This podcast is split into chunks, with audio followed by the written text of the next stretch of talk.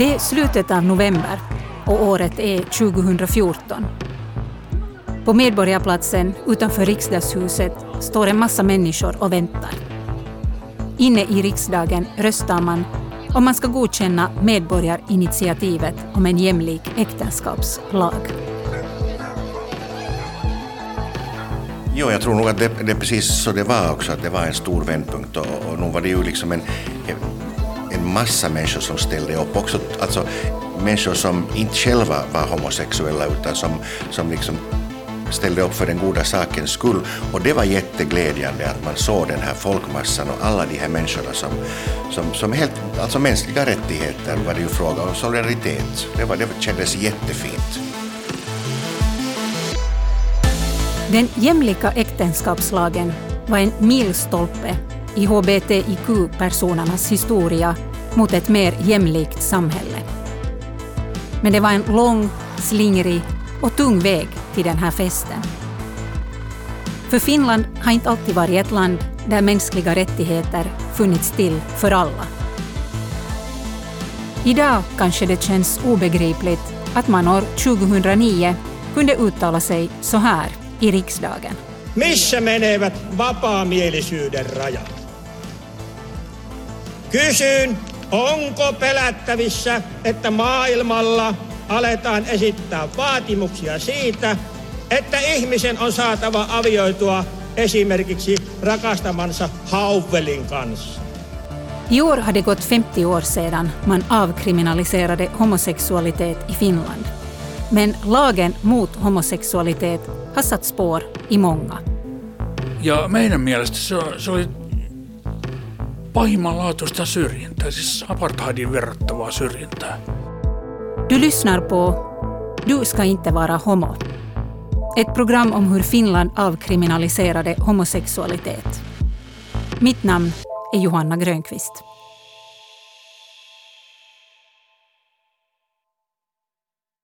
Lagen som förbjöd otukt med personer av samma kön fanns alltså fram till 1971. Som en liten jämförelse här kan man nämna Sverige som avkriminaliserade homosexualitet 1944 och Danmark som gjorde det 1933.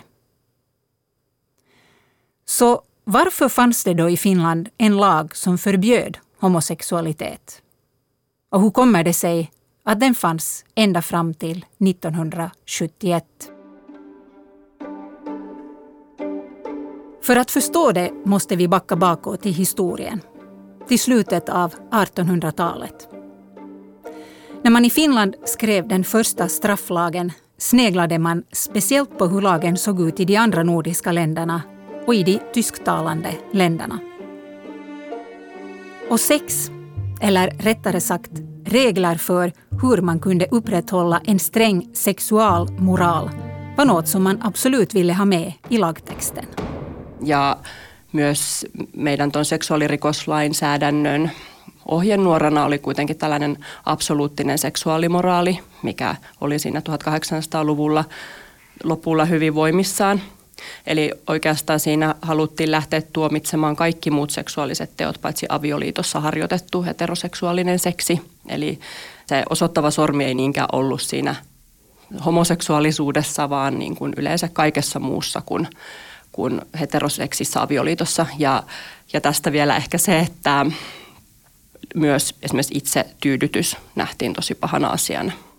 Det här är Sandra Hagman som har skrivit en avhandling om de homosexuellas historia i Finland. Hon har granskat domstolsprotokoll som finns från de ungefär 80 år som lagen var i kraft. Och som Sandra här sa så var man egentligen inte ute efter att döma speciellt de homosexuella. Utan grunden för lagen handlade om en så kallad absolut sexualmoral. Man ville nämligen åt alla möjliga former av sex. Allt som inte var heterosexuell sex inom äktenskapet. Att den här lagen sedan ändrades var, enligt Sandra Hagman, resultatet av en process som hade många och långa krokar och där det under historiens gång faktiskt också öppnades olika fönster eller möjligheter till förändring? Nämä on ehkä sellaisia asioita, että näissä on niin kuin aina eri junia ja sitten se vähän riippuu, että kuka minkäkin junan kyytiin hyppää. Että niin kuin on aina tiettyinä aikoina aina tietynlaiset ikkunat auki ja tietynlaisten syiden johdosta johtuen vaikka siitä, että minkälainen hallitus on maassa silloin tai mitä just silloin tapahtuu siellä, onko jotain skandaaleja vai mitä tapahtuu. Ja redan under 1920-talet fanns det en diskussion om att slopa homosexualitet från strafflagen. Koko tätä 80 vuoden aikajännettä, niin siinä 20-luvulla oli ensimmäinen kohta, jolloin vakavasti mietittiin tästä samasukupuolisen halun poistamisesta rikoslaista. Se johtui siitä, että oikeastaan ei ollut tuomittu yhtään ihmisiä siinä ensimmäisen 30 vuoden aikana tämän pykälän nojalla, että vain 10 ihmistä koko aikana. Ja nähtiin, että nämä ei ole sellaisia asioita, mitä kannattaisi niin kuin missä oikeudessa lähteä avaamaan. På 1920-talet hade väldigt få blivit dömda och man tyckte också att det kanske skulle vara bättre om man helt enkelt höll tyst om de här sakerna.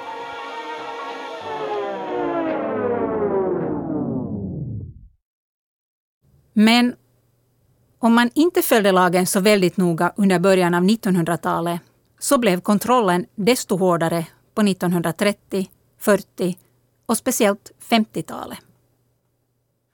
Orsakerna var enligt Sandra många. Dels handlade det om en slags moralpanik efter kriget. Man ville återgå till mer konservativa värderingar. Men det handlade också om en uppfattning att homosexualitet på något plan var smittsamt och skadligt för samhället. Och tittar man på statistiken finns det en klar topp i början av 1950-talet. Och det berodde bland annat på de olympiska spelen. I am convinced that the Finnish people, loving sport as they do, will spare no effort to make the 1952 Olympic Games a complete success.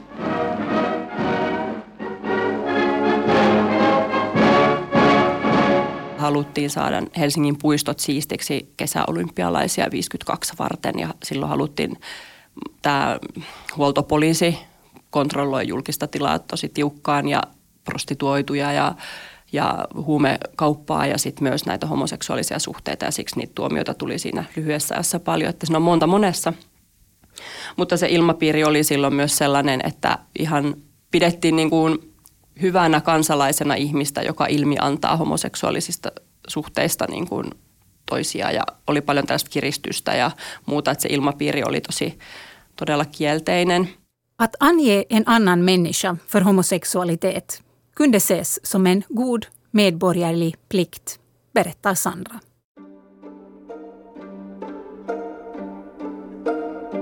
Men sedan kom 1960-talet och med den en sexuell frigörelse som svepte fram över västvärlden och som förstås också påverkade debatten här i Finland.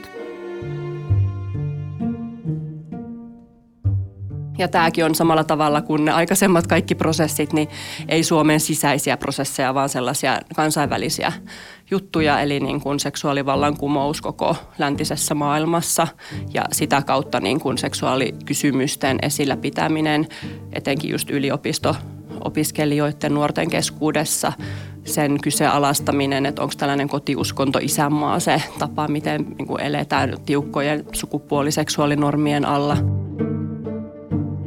Ja, det var speciellt de unga studerandena som enligt Sandra drev debatten och började ifrågasätta normerna.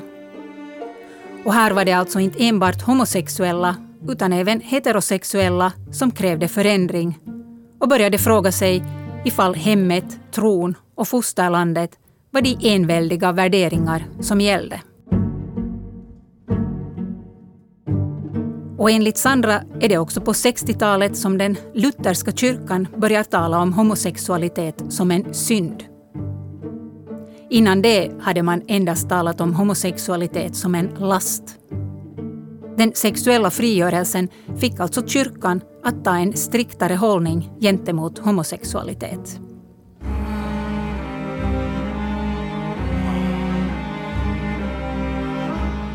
1960-talet var inte bara en tid då man började se mer positivt på sexualitet, utan också en tid då man organiserade sig och såg styrkan i att tillsammans driva frågor och skapa förändring. Sandra nämner Novemberrörelsen som engagerade sig i olika minoriteters rättigheter och kort senare grundades även Psyke RY, som var den första föreningen för sexuella minoriteter. Och det här med att gå samman för att skapa förändring, det gäller även idag, påminner Sandra. Kun sä koet olevas vain yksin sen asian kanssa, on se nyt vaikka jos tähän MeToohun liittyvä joku seksuaalinen ahdistelu tai muu, taikka sitten tähän niin kuin Black Lives Matter-liikkeeseen liittyvä kysymys, niin kuin, että jos ne nähdään aina vain niin yksittäisinä tapauksina, niin silloin ei päästä siihen juurisyyhyn, niihin rakenteellisiin syihin käsiksi ja ei niin kuin päästä ratkaisemaan itse ongelmaa. Om man endast ser på enskilda fall kommer man inte åt grunden till problemen. För det skamliga försvinner först då man förstår att andra upplevt samma sak, säger Sandra och jämför med metoo-rörelsen och Black Lives Matter.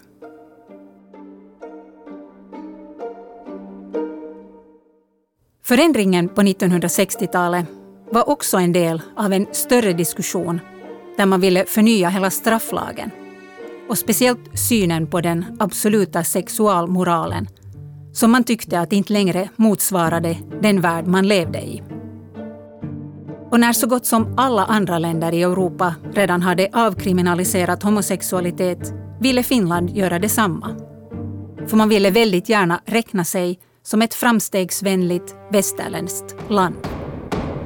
Että on meidän niin kuin ehkä liittyen meidän maantieteelliseen sijaintiin ja tähän niin kuin olemiseen, niin tämä on ehkä se suomalaisten kipupiste aina, että olemmeko me niin kuin Pohjoismaat vai olemme me olemmeko me niin kuin enemmän Itä-Euroopan maat. Ja tosi monestihan me niin kuin identifioidaan itsemme sinne Pohjoismaihin, mutta sitten kun katsotaan käytännön tasolla lainsäädäntöä, nyt vaikka translakeja tai aborttilakia tai mitä tahansa, niin kas kummaa me kuitenkin huomataan olevamme siellä Itäblokissa enemmän. Eli tämä oli kuitenkin sitten sellainen niin kuin yksi niistä keskeisistä näytön paikoista, että ollaan siellä läntisessä rintamassa tässä asiassa. Ja Vår smärtpunkt här i Finland verkar vara att vi ständigt frågar oss om vi är ett land som hör till Norden och till väst, eller om vi egentligen mer hör till östblocket.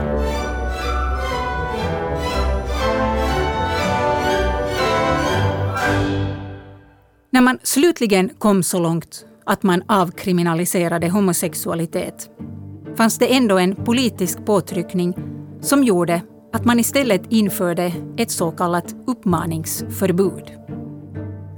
Och det här tog man bort från lagen först 1999. Eli aina vuoteen 1999 asti, siis aivan niin kuin milleniumin kynnykselle meillä on ollut sellainen laki, missä homoseksuaalisuudesta ei ole saanut puhua myönteisesti mediassa ja ei ole saanut yllyttää. Eli siis ei ole periaatteessa saanut lähestyä ihmistä, toista ihmistä siinä mielessä, että olisi seksuaalisesti kiinnostunut, niin onhan se niin kuin äärimmäisen alleviivaava ja sellainen osoitus siitä, että nämä ihmiset, jotka on elänyt siinä sen lainsäädännön alla, niin on niin kuin tasan koko aika tiennyt, että eivät ole yhteiskunnassa niin kuin yhtä arvokkaita kuin, kuin sitten heterosuhteissa elävät. Ja tämähän on niin kuin leima, jota on kannettu kauan.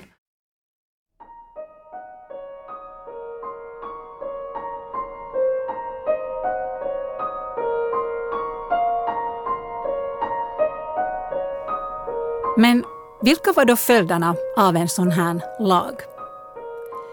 Det äkta paret Bo Bergström och Rabbe Smedlund kan båda berätta om hur det var att leva som homosexuell i en tid då homosexualitet klassades som en sjukdom och ansågs kriminellt.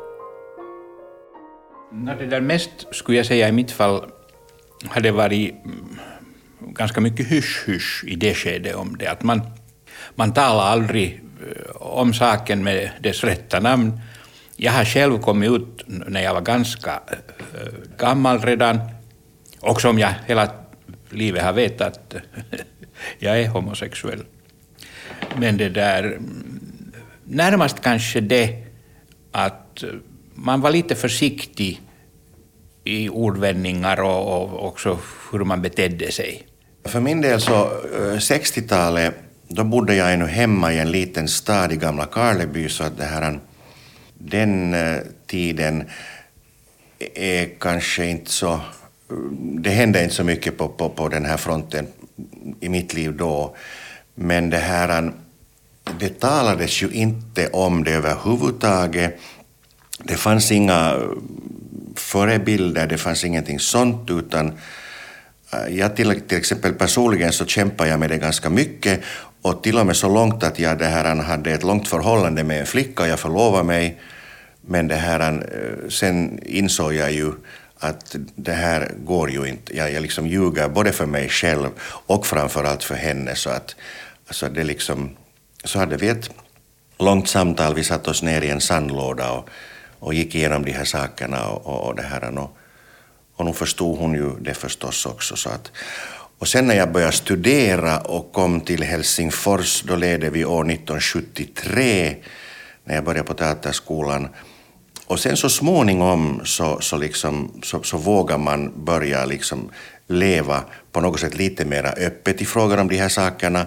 Men det tog nog också för mig en ganska lång tid innan jag sen egentligen också så att säga kom ut.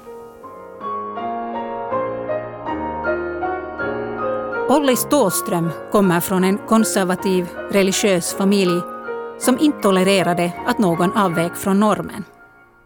Och det gav trauman. Inte bara för Olli. Mulla on sikäli, sikäli aika äh, kamala tausta, että, että mä oon äh, lähtöisin kaksikielisestä perheestä ja isänpuolinen suku oli, tai on, hyvinkin konservatiivista uskonnollista. Joten, joten siellä valitsi aivan kaamea syrjintä josta mä sain traumoja itselläni. Muun muassa isän nuorempi veli tappoi itsen sen takia, että hän huomasi olevansa homo. Ja mäkin sain niin pahan depressio, että, että yritin erilaisin tavoin muuttaa itseni.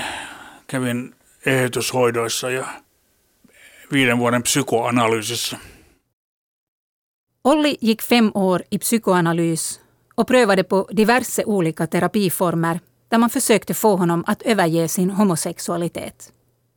Men inget hjälpte och Olli mådde allt sämre.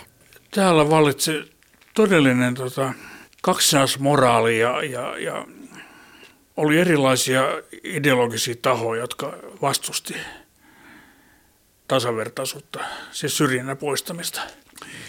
Eli se se teki kyllä pahaa jälkeä. Följderna av lagen var många. En del homosexuella blev utsatta för våld eller utpressning. Andra förlorade jobbet då det kom fram att de var homosexuella. Och för de flesta betydde det att man valde att dölja en sida av sig själv. Och om du inte har rätt att vara den du är, vad betyder det för en människa? Siis seurauksethan ihmisille on hyvin moninaiset ja riippuu tietysti myös ihmisestä ja se asemasta yhteiskunnassa, että miten, miten riippuvainen se on tällaisista säännöistä tai miten sitten etuoikeutettu ja vapaa toisaalta että hyvin paljon on vaikuttanut siihen myös sitten kaikki luokka ja lukeneisuus ja onko päässyt matkustelemaan maailmalle ja näkemään siellä toisenlaista tapaa olla homoja, niin kuin tavallaan rakentaa identiteettiä jotenkin positiivisten määreiden päälle. Sandra Hagman talar om betydelsen av positiva förebilder, om möjligheten att se hur det är i andra länder.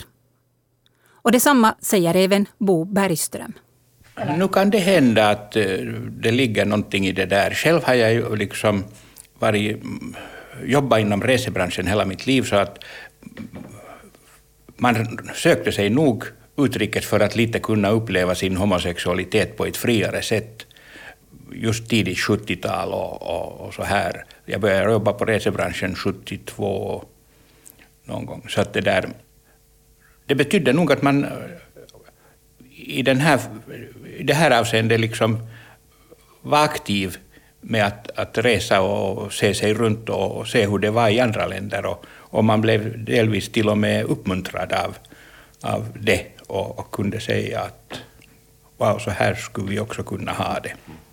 Det stämmer, för att jag kommer ihåg att jag till exempel hade ett par, ett par kompisar eller vänner som, det här, som flyttade till Sverige just på grund av det här, för att de upplevde att, att klimatet där var så mycket liksom friare och det var lättare på alla sätt att, att liksom leva på det sättet. Så de, de, de, de var nog sådana här sexuella flyktingar till Sverige, som flyttade till Sverige.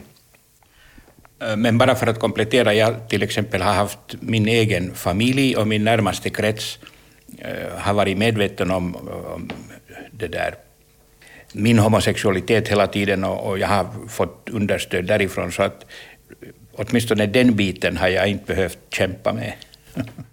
Även Olli Stålström upptäckte en annan värld då han i början av 1960-talet åkte till New York för att studera. Mulla kuitenkin henkilökohtaisesti oli se, se että ähm, mä olin ollut vaihto New Yorkissa vuonna 1962. Ja siellä tapasin yhden samanikäisen miehen vaihto jonka kanssa mulla syntyi rakkaussuhde. Eli meillä oli semmoinen etärakkaussuhde. Ja silloin mä päätin, päätin, että itse asiassa mä en halua elää Suomessa, jos mä haluan elää ollenkaan, koska tämä oli niin pimeä maa silloin.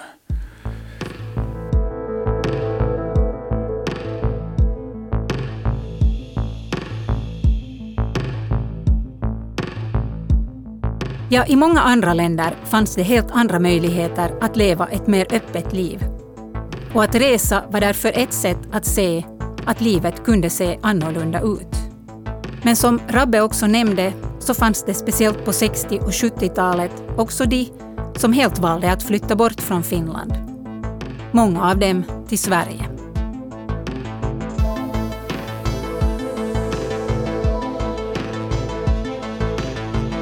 Att homosexualitet ansågs kriminellt och att den här lagen var i kraft så länge gjorde också att den kastade en väldigt lång skugga. Då homosexualitet var förbjudet ledde det till att man började hyscha. Man skämdes och skammen drabbade ibland även släktingar så att man gemensamt började hemlighålla och gömma undan det man inte ville att skulle komma fram.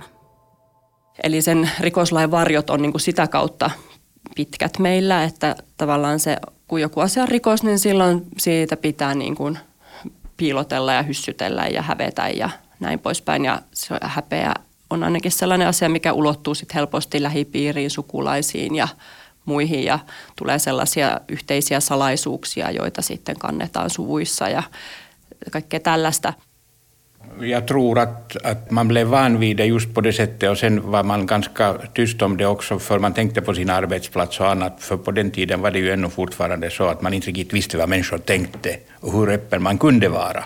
Och det där det hade sina konsekvenser förstås i det privata livet, men att inte hade satt några större sådana negativa spår i mig, skulle jag säga. Kanske man har varit lite feg, kan jag nog också säga. För jag har aldrig heller trott på det där att, att i ur och skur stiga upp och höja fanan. Men det där... Jag har haft en jättetrevlig vänskapskrets och, och där har man öppet kunnat diskutera och annat och det har hjälpt. För Rabbe Smedlund, som är känd som skådespelare från bland annat Svenska Teatern i Helsingfors, så har teaterbranschen tacksamt nog varit en öppen plats där man inte behövt dölja sig. Ja, det där med, jag håller med med det här du säger, det här med att man har liksom man har liksom hyschat med den här saken nog, det, det, det medger jag verkligen. Men också, också med det att jag jobbar med det som jag har jobbat med så, så det här, där på de arbetsplatser jag har jobbat på så har det aldrig varit något problem på det sättet. Och man har aldrig liksom behövt sticka under stolen med vem man var. Att sen har det säkert antagligen talats lite bakom ryggen på en och, och, och man har blivit liksom måltavla på det sättet. Men inte att jag skulle ha liksom personligen lidit av det på något sätt, det, det, det upplever jag inte. Och inte har det satt något, något djupare spår kanske bara att man är lite försiktig ibland med, med sina uttalanden. Men att, men att... Vi kanske kom ut lite för sent. det kan vara det. Ja. Jo, nu kommer jag ihåg från, från ungdomen också de där, de där uh, frågorna, alltså just när man, när man hade några familjetillställningar och släktingar och saker och som, som undrar om man då inte snart skulle liksom stadga sig och förlova sig och bilda familj. Och, och då, måste, då fick man ju hitta på olika ursäkter för att komma ur den, den situationen. Men inte var det nu heller så där hemskt jobbigt på det sättet. Utan man, man, man hade nästan lite kanske förberett sig också för de här frågorna och visste att i något skede så kanske de kommer. För jag hade liksom levt... Jag hade aldrig berättat det för min familj. Så, så, så därför kanske jag ställdes inför de här frågorna sen i, i, i något skede.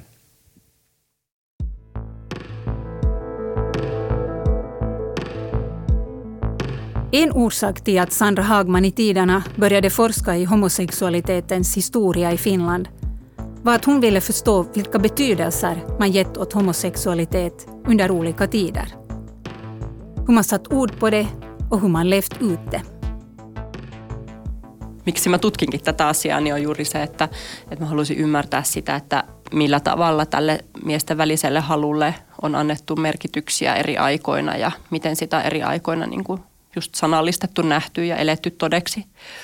Mutta vaikeitahan siinä on juuri se lähteiden löytäminen tällaisesta aiheesta, joka on ensinnäkin ollut niin kuin rikoslain alla ja sitten e, erilaisten tällaisten niin kuin moraalikeskustelujen tuomitsemaa. Ja Men att forska i homosexualitetens historia har inte alltid varit lätt. Då homosexualitet var kriminellt ledde det till att människor förstörde brev och dagböcker i rädsla för att bli fast. Eller så förstördes de av släktingar som var rädda att personen efter sin död skulle bli smutskastad. Så för Sandra har domstolsprotokollen varit ett sätt att få en bild av det hela. Även om den bilden förstås är ofullständig och fragmenterad. En annan sak som fick Sandra intresserad av temat var debatterna som fördes på 1990-talet och början av 2000-talet. Diskussionskvällar i bland annat Yles TV-kanaler där man diskuterade homosexualitet. Hyvää iltaa ja tervetuloa mukaan suoraan lähetykseen Tampereen Tohlopista. Tämä lähetys on tarkoitettu sekä homo- että heterokatsojille. Suomessa homoja ei kivitetä kuoliaaksi tai pistetä vankilaan, kuten kymmenissä muissa maissa. Syy, mikä sai minut tämän aiheen piiriin aikoinaan 2000-luvun alkupuolella, meillä oli näitä homoiltoja useampikin Ylellä 90-luvulla ja sitten 2000-luvulla myös. Ja meillä on niin pitkään keskusteltu jotenkin tästä. Ja sehän on niin itsessään kauhean mielenkiintoista ja ihmeellistä – että tämä on niin kuin pysynyt pöydällä tällaisena asiana, josta ikään kuin jokaisella kansalaisella on ollut niin kuin oikeus muodostaa mielipide. Ja Sandra tycker det är intressant att de sexuella minoriteternas sak var något som man ansåg att alla medborgare hade rätt att ha en åsikt om. Käydäänkö nyt tänä päivänä Suomessa ja tässä studiossa sitä samaa keskustelua aina vaan? Niin kuin äsken, äsken sanoin, että me, me syntyy sellainen intuitiivinen oivallus, että avioliitto on jotain tiettyä se ei voi olla mitä tahansa, esimerkiksi ihmisten tai eläinten tai ihmisten tai koneiden välinen asia. No, sinulla oli siis kaksi äitiä. Millaista oli kasvaa tällaisessa perheessä? Kasvoiko siellä nyt ihan kierro? Mennäänkö nyt liian pitkälle, kun kaksi miestäkin haluaa lapsia ja perustaa perheen? Ja tämähän on, niin kuin, jos ajatellaan vähemmistöjen näkökulmasta ja vähemmistöoikeuksien näkökulmasta, niin tosi kyseenalaista, että, että tällaista tämmöistä neuvottelua on niin pitkään käyty. Mutta tietenkin neuvottelua on pitänyt käydä, koska on ollut niitä lainsäädännöllisiä syrjiviä elementtejä. Eli siis tietenkin se on myös niin kuin ollut seksuaalivähemmistöjen etu, että näistä asioista on niin kuin neuvoteltu. Mutta se on vain kestänyt meillä niin kauan, että ollaan päästy siihen tilanteeseen, että lainsäädäntö olisi voitu saattaa niin kuin yhdenvertaiselle tasolle. Man kan ifrågasätta de här debatterna, säger Sandra Samtidigt som hon också förstår att man på ett sätt varit tvungen att diskutera det hela just för att lagstiftningen i landet har varit diskriminerande. Vägen till en mer jämställd lagstiftning har tagit tid. Och vi är kanske inte helt där ännu. Translagen är ju nu den följande lag som diskuteras. Med knappt en vecka kvar till riksdagsvalet har man redan börjat förbereda frågor som den nya regeringen ska ta tag i. En av dem är en reform av translagen. Vår translag är 15 år gammal och halkar efter de andra nordiska länderna. Många organisationer kritiserar lagen och menar att den bryter mot de mänskliga rättigheterna och läkare anser att lagen uppslukar onödigt med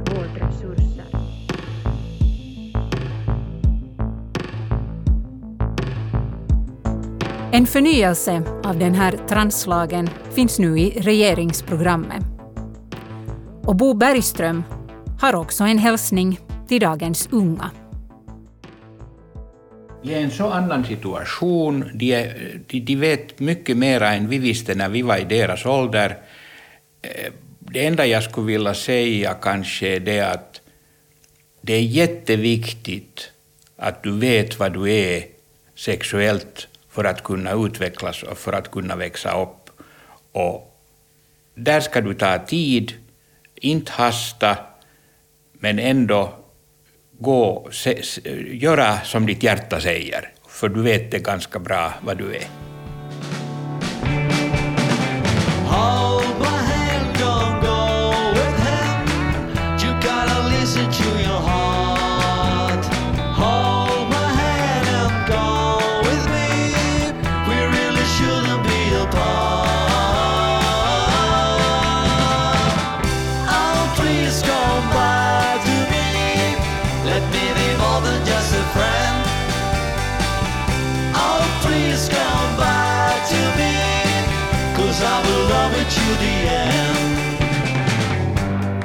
Du har lyssnat på Du ska inte vara homo. Ett program om hur Finland avkriminaliserade homosexualitet. Medverkade gjorde forskaren Sandra Hagman och Olli Ståström, Bo Bergström och Rabbe Smedlund.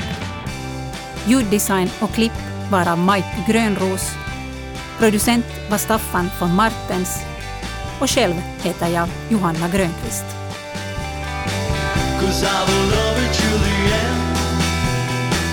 Cause I will love it to the end. Cause I will love it to the end. Cause I will love it to the end